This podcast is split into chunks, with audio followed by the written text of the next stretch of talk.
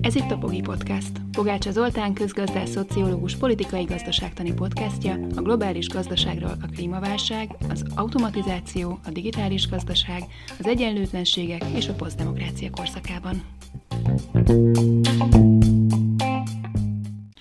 Az utóbbi egy-két hétben szinte cunamiszerűen ömlik a sajtóból az inflációval kapcsolatos félelemkeltés. A clickbait címadások alapján azt gondolhatnánk, hogy visszatért a 30-as évek, a hiperinfláció korszaka.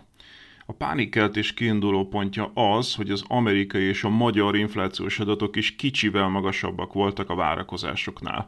Az amerikai havi mutató 2,6-ról emelkedett 4,2-re, a magyar adat pedig 5,2-re. Ebben az adásban amellett fogunk érvelni, hogy az infláció miatt aggódni nem egyszerűen felesleges, de adott esetben akár káros is lehet.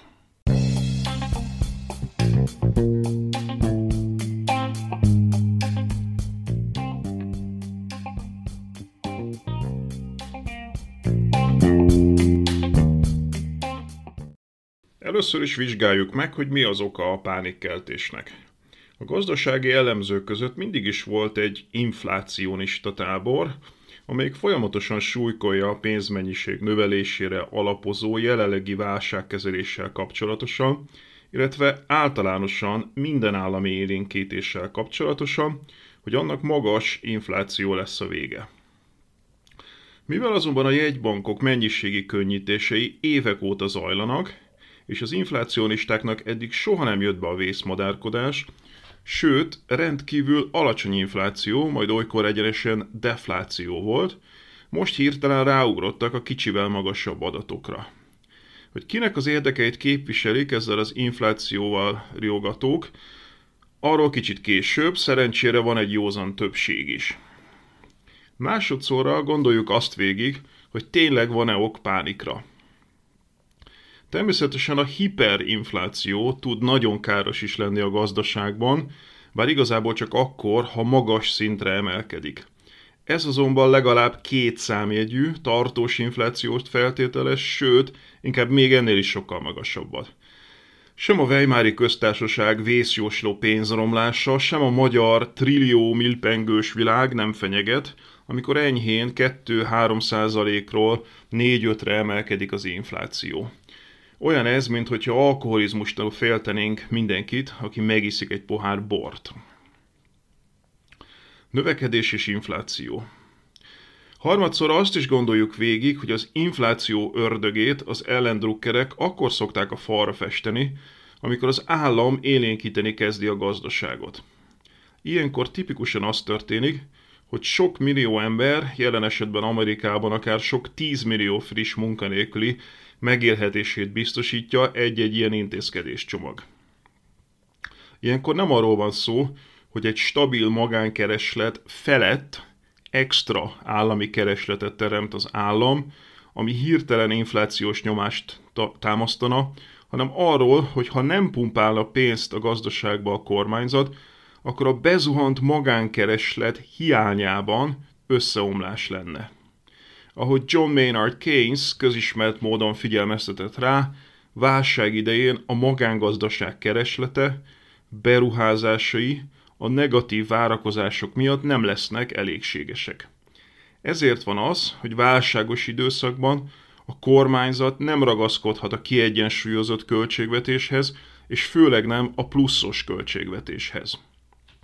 Ahogy Win Godley, brit közgazdász hangsúlyozza, válság idején az állami deficit teszi lehetővé, hogy a magángazdaságnak nyeressége legyen, és nem pedig vesztesége.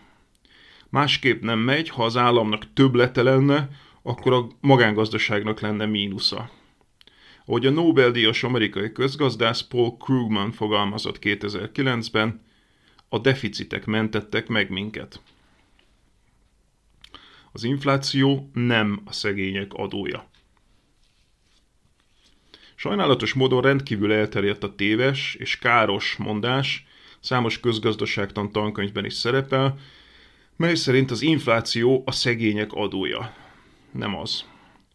Arra akkor utalni ez a félrevezető bölcsesség, hogy a legszégényebbek símlik meg a legjobban az árak emelkedését. Ez azonban nem így van.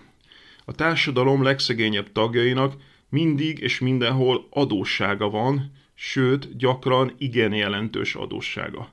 Nem egyszerűen nincs telenek, hanem ennél súlyosabb a helyzet, adósságban élnek.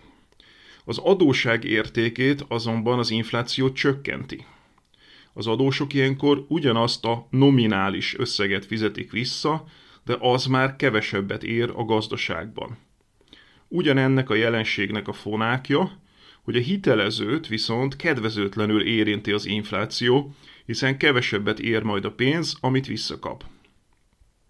Hitelezni viszont tipikusan a bankok szoktak, illetve rajtuk keresztül a társadalom gazdagabb tagjai, akiknek megtakarításaik vannak, amelyekből a hitelezés történik.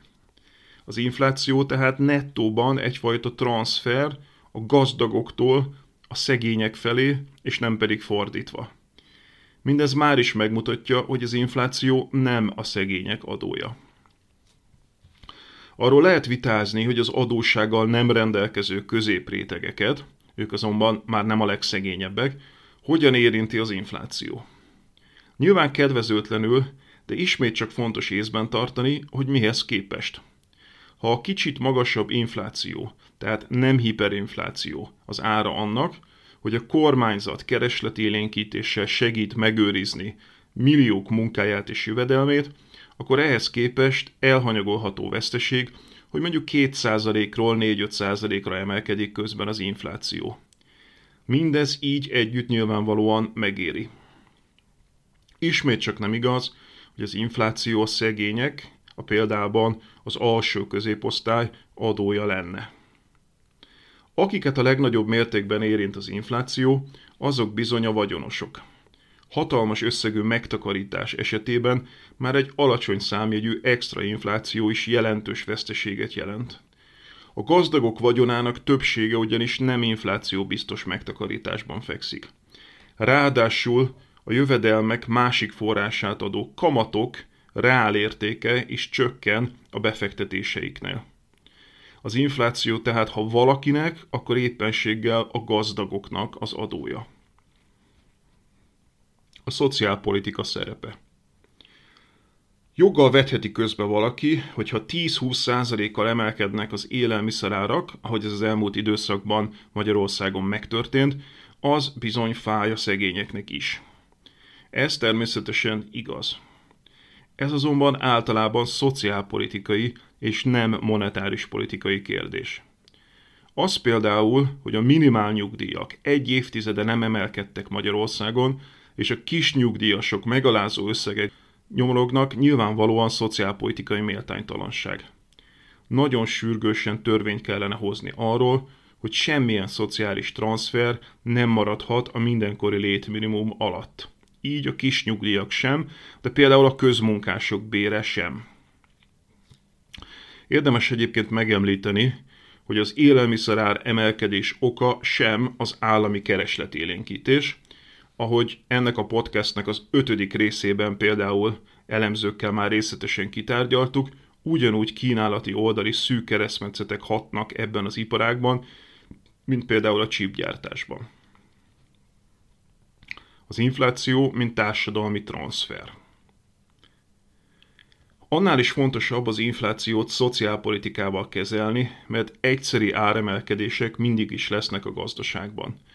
Ezek egyáltalán nem biztos, hogy káros jelenségek, sokszor kifejezetten kívánatos korrekciók. Példa erre a minimálbérek emelése. Az Egyesült Államokban is, de Magyarországon is igazságtanul alacsonyak a legalacsonyabb bérek. Ezek jelentős emelésére lenne szükség. Ennek azonban lehet inflációs hatása. Nehéz azt mondani, hogy ne emeljük a dolgozó szegények bérét, csak azért, mert ez átmenetileg áremelkedéshez vezet. Ám még az utóbbi sem biztos. Könnyen lehet, hogy a magasabb bér egyszerűen csak csökkenti a vállalat profitját. Ezen esetben egyszerűen csak jövedelemtranszferről van szó. Van, aki nyer, van, aki veszít. Ha a cég átterheli a magasabb béreket a vevőkre, magasabb árak formájában, ugyanez a helyzet. Kétségtelenül van inflációs hatása, ám csupán transferről beszélhetünk a fogyasztók felől a dolgozó szegények felé. Érdemes itt megjegyezni, hogy jobb az állami keresletélénkítés költségvetési úton a rászorulókra célozni, mint monetáris úton mennyiségi könnyítéssel a gazdaság egészére rázódítani. Utóbbiból tényleges kereslet helyett könnyen megtakarítás lehet, abból pedig eszközári infláció. Ez a gyakorlatban jelentheti például a lakásárak meredek emelkedését, akár válság idején is, amikor az alsóbb rétegek jövedelmei éppen csökkennek, ami ismét csak nem jó szociálpolitika. Egyszeri korrekció. Fontos megegyezni, hogy az infláció tankönyvi definíciója, hogy az árak tartós emelkedéséről beszélünk. Itt azonban nem erről van szó.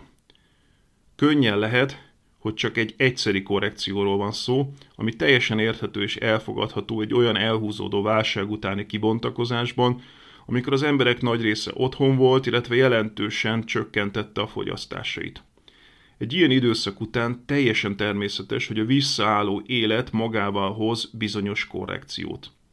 Példa erre az amerikai adat, amelynek két harmadáért alig pár szektor volt felelős, a használt autók, az autókölcsönzés, a szálláshelyek és a repülőutak.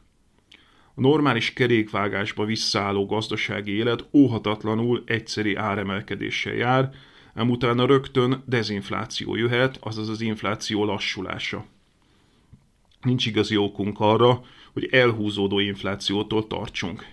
Joe Biden közeljövőben induló infrastruktúra csomagja például nem csak jelentős új költekezést tartalmaz, ami elméletileg felverhetné az inflációt, de egyben adóemelést is a gazdagoknál. Ez utóbbi viszont csökkenti a keresletet, hiszen visszafogja az érintettek költekezését. Miért veszélyes, ha elkezdünk pánikolni? A mérségelt infláció miatt, miatt aggódni nem egyszerűen felesleges, de adott esetben káros is lehet. Ennek több oka is van. Az egyik, hogy az egyszeri áremelkedésből könnyen lehet önbeteljesítő jóslat, ha sokan pánikolni kezdenek. A hamis várakozások beépülhetnek a bérkövetelésekbe. Magasabb jövőbeli áraktól tartva erőteljesebb bérkövetelésekkel lépnek fel a szakszervezetek, ami aztán tovább pörgeti az inflációt.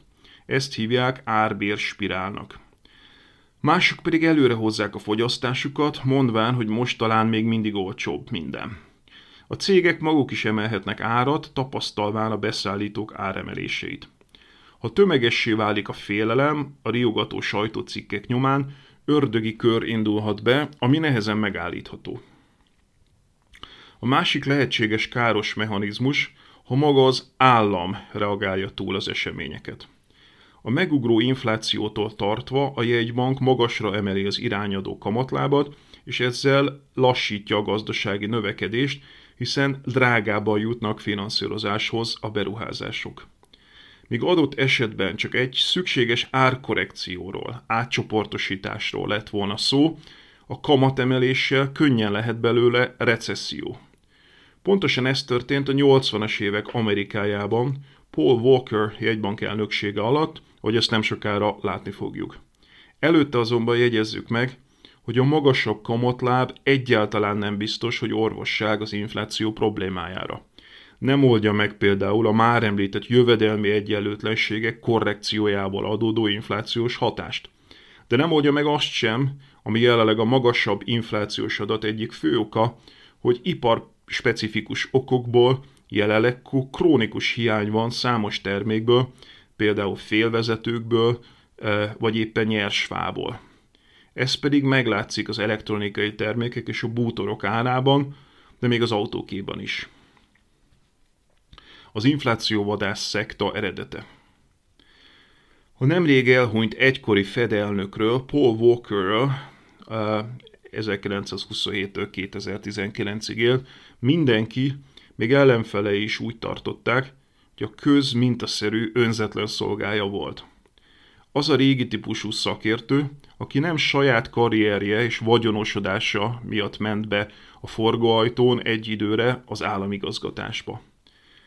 Az örökségről azonban halálával ismét fellángoltak a viták. Mint minden erős személyiség, a több mint két méter magas Tall Paul is megosztotta az elemzőket. Hívei szerint, miután 1979 végén fedelnöknek választották, sikerrel küzdötte le a magasba szökő inflációt, amely a csúcson 14,8%-ot is elért. A pénzromlásnak azonban számos oka volt. Egyrészt Nixon elnök korábban felmondta az aranystandardot, és ennek nyomán emelkedtek az importárak. Ennek a döntésnek az előkészítésében maga Walker is részt vett. Másrészt az arabok bevetették az olajfegyvert. A 70-es évek során négyszeresére kartelozták fel az olajárát, ami szinte minden más termék árába tovább gyűrűzött. Walker az infláció leküzdéséhez az egekbe emelte az irányadó kamatlábat, a csúcson egészen 21,5%-ra. A politika sikeres volt, a mutató valóban elfogadható szintre tért vissza. Kritikusai szerint azonban mind, mindez rendkívül káros is volt egyben. A magas kamatlábakkal gyakorlatilag egy újabb recessziós hullámot idézett elő, amelyet Walker sokként szoktak emlegetni. Ő lett az egyetlen magánember, akiről saját válságot neveztek el. Az amerikai gazdaságban sok millió munkahely veszett el a drága pénz miatt. A munkanélküliség majdnem elérte a 11%-ot, ami a nagy gazdasági világválság óta addig volt a legmagasabb. A feketék munkanélküliségi mutatója még ennél is meredekebben 12%-ról 21%-ra emelkedett. A magas kamatok jeles, jelentősen hozzájárultak egyes amerikai térségek dezindustrializációjához, ipartalanodásához. A magas profitabilitású pénzügyi és ingatlan szektor teret nyert. A demokrata vezér Ted Kennedy, a Nobel-díjas Kenneth Arrow és Paul Samuelson közgazdászok, illetve a szakszervezetek mind tiltakoztak, de hiába. Hogy mennyire káros ez a politika, azt maga régen elnök is tudta, Walker memoárja szerint meg is üzente a kabinetfőnökével, az elvileg független jegybanknak, hogy az a választások előtt ne emeljen kamatot. Tegyük hozzá, hogy az infláció csökkentésének lehettek egyéb oka is Walker politikáján kívül. Látni kell, hogy annak főokozója az olajára például igen gyors zuhanásnak indult éppen abban az időben, és ennek igen komoly hatása volt. Walkernek tehát szerencséje is volt. Ugyanakkor a rendkívül drága források miatt tönkrementek a takarékszövetkezetek is, amelyek a tipikusan alacsony, fix, hosszú távú kamatozású jelzáloghitelekre szakosodtak. Ez volt az úgynevezett Savings and Loans válság a 80-as évek végén. Lett volna alternatíva? Igen. Nyugat-Európában az árbérspirált évtizedeken keresztül sikeresen törték le iparági és nemzeti szintű kollektív bérmegállapodásokkal. Az Egyesült Államokban azonban Ronald Reagan elnök éppen a szakszervezetek megsemmisítésén dolgozott. Emlékezzünk csak a repülőgép irányítók sztrájkjának megtörésére kölcsönzött munkaerővel, amelyet Walker rendszer, lelkesen támogatott.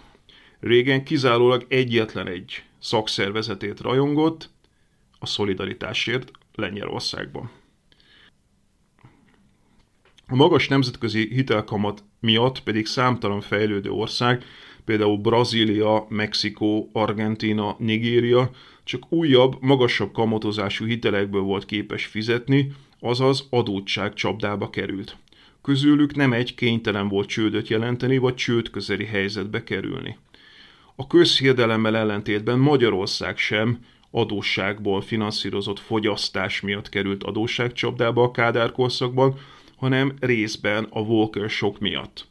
Erről a kérdésről egyébként a Pogi Podcast 15. adásában beszélünk részletesen. Érdemes megjegyezni, hogy Görögország is ez időtájt került adósságcsapdába. Az ország adósságállománya a 80-as évek elejé 30% körüli szintről a 80-as évek végére 100% felé emelkedett. A közhiedelemmel ellentétben a görög adósságállomány ekkor a 80-as években jött létre, az eurózóna első évtizedében, azaz 2001 és 2008 között már nem nőtt tovább érdemben. Ezek az adósságválságok aztán megágyaztak a megszorításokra épülő ideológia évtizedeinek, máig ható következményekkel, többek között Trump megválasztásával. Walker hívei a kritikákra azzal válaszoltak, hogy muszáj volt beavatkozni, az infláció ugyanis rendkívül káros általában véve a gazdaságnak. Ahogy ezt már bemutattuk, ez nem igaz. Az infláció elleni harc alapvetően osztályérdek, mégpedig a felső osztály érdeke mutatott rá John Robinson, Cambridge-i közgazdász 1974-ben. Ez még azt is érdemes hozzátenni, hogy a kamatok reálértékének megőrzése azért is fontos a gazdagabbaknak, mert ez extra jövedelemforrás számukra. Ahogy a Sandy Brian Hager kitűnő könyvében részletezi, az állampapír kamata nettóban egyfajta jövedelemtranszfer azokból, adókból, az állampapit megtakarításaiból megvásárló gazdagok felé. A kamattörlesztések miatt pedig kevesebb jut a szegények megsegítésére.